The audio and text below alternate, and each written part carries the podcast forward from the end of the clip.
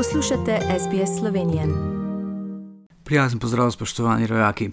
Ne moremo se izogniti svetovni temi številka ena vojni v Ukrajini, saj kljub temu, da je geografsko razmeroma daleč od nas, njene posledice, tako kot v večini evropskih držav, občutimo tudi slovenci.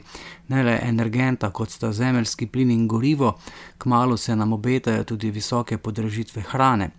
Poleg tega pa je vojna v Ukrajini čez noč postala tudi naša predvoljivna notranje politična tema številka ena. Predsednik vlade Janez Janša je tako skupaj s polskim in češkim kolegom Mateošem Moraveckim in Petrom Fialo oblegani Kijev obiskal v torek, ko je trojka vzhodnoevropskih voditeljev ukrajinskemu predsedniku Volodimirju Zelenskemu prenesla sporočilo evropske solidarnosti.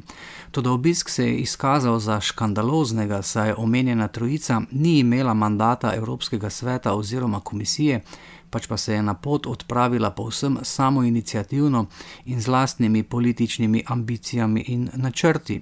Nekateri so jim čestitali za pogum, večina zahodnoevropskih diplomatov in medijev pa je potezo označila za nespametno in sebično.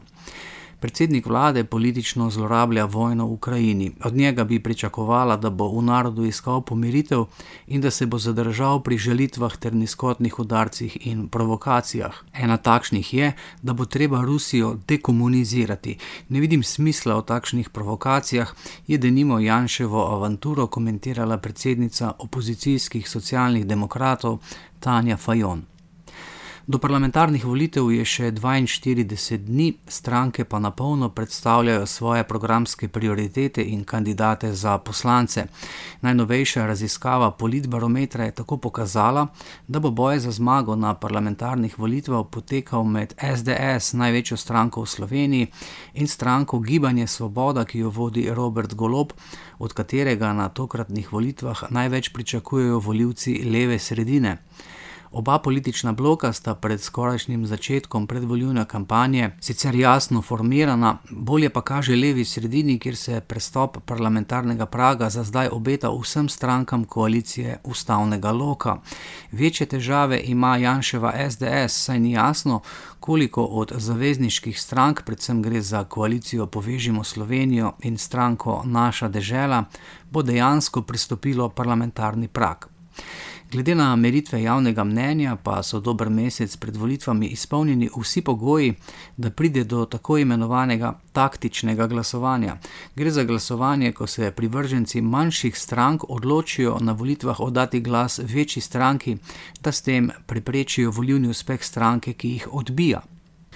Strateški svet za digitalizacijo pa je predstavil drugi paket ukrepov za digitalizacijo, ki bi urejalo različna področja, od javne uprave, poslovnega okolja in izobraževanja pa do zdravstva. Cilj 25 ukrepov je olajšati življenje slovencev ter pohitriti in optimizirati postopke, nujne za vsakodnevno življenje. Med novimi predlaganimi ukrepi pa so denimo tudi elektronske volitve in referendumi. Šlo bo za postopno in premišljeno uvajanje postopkov, cilj pa je lažja demokratična participacija vseh državljanov, tudi tistih, ki jim je prihod na volišča otežen. Glasovanje bo torej omogočeno tudi izven njihovega stalnega bivališča. Za konec pa le še nekaj številk v zvezi s koronavirusom. Število okužb v zadnjih dneh pri nas znova narašča. Sredi tedna so tako potrdili 3000 novih primerov, po podatkih Nacionalnega inštituta za javno zdravje pa je v državi trenutno slabih 30 tisoč aktivnih primerov okužbe s koronavirusom. To so bile novice za danes. Ostanite zdravi in vse dobro do našega naslednjega slišanja. Za SBS ali Šlednik. Želite slišati sorodne zgodbe? Prisluhnite jim preko Apple ali Google podcasta, preko aplikacije Spotify ali kjerkoli drugje.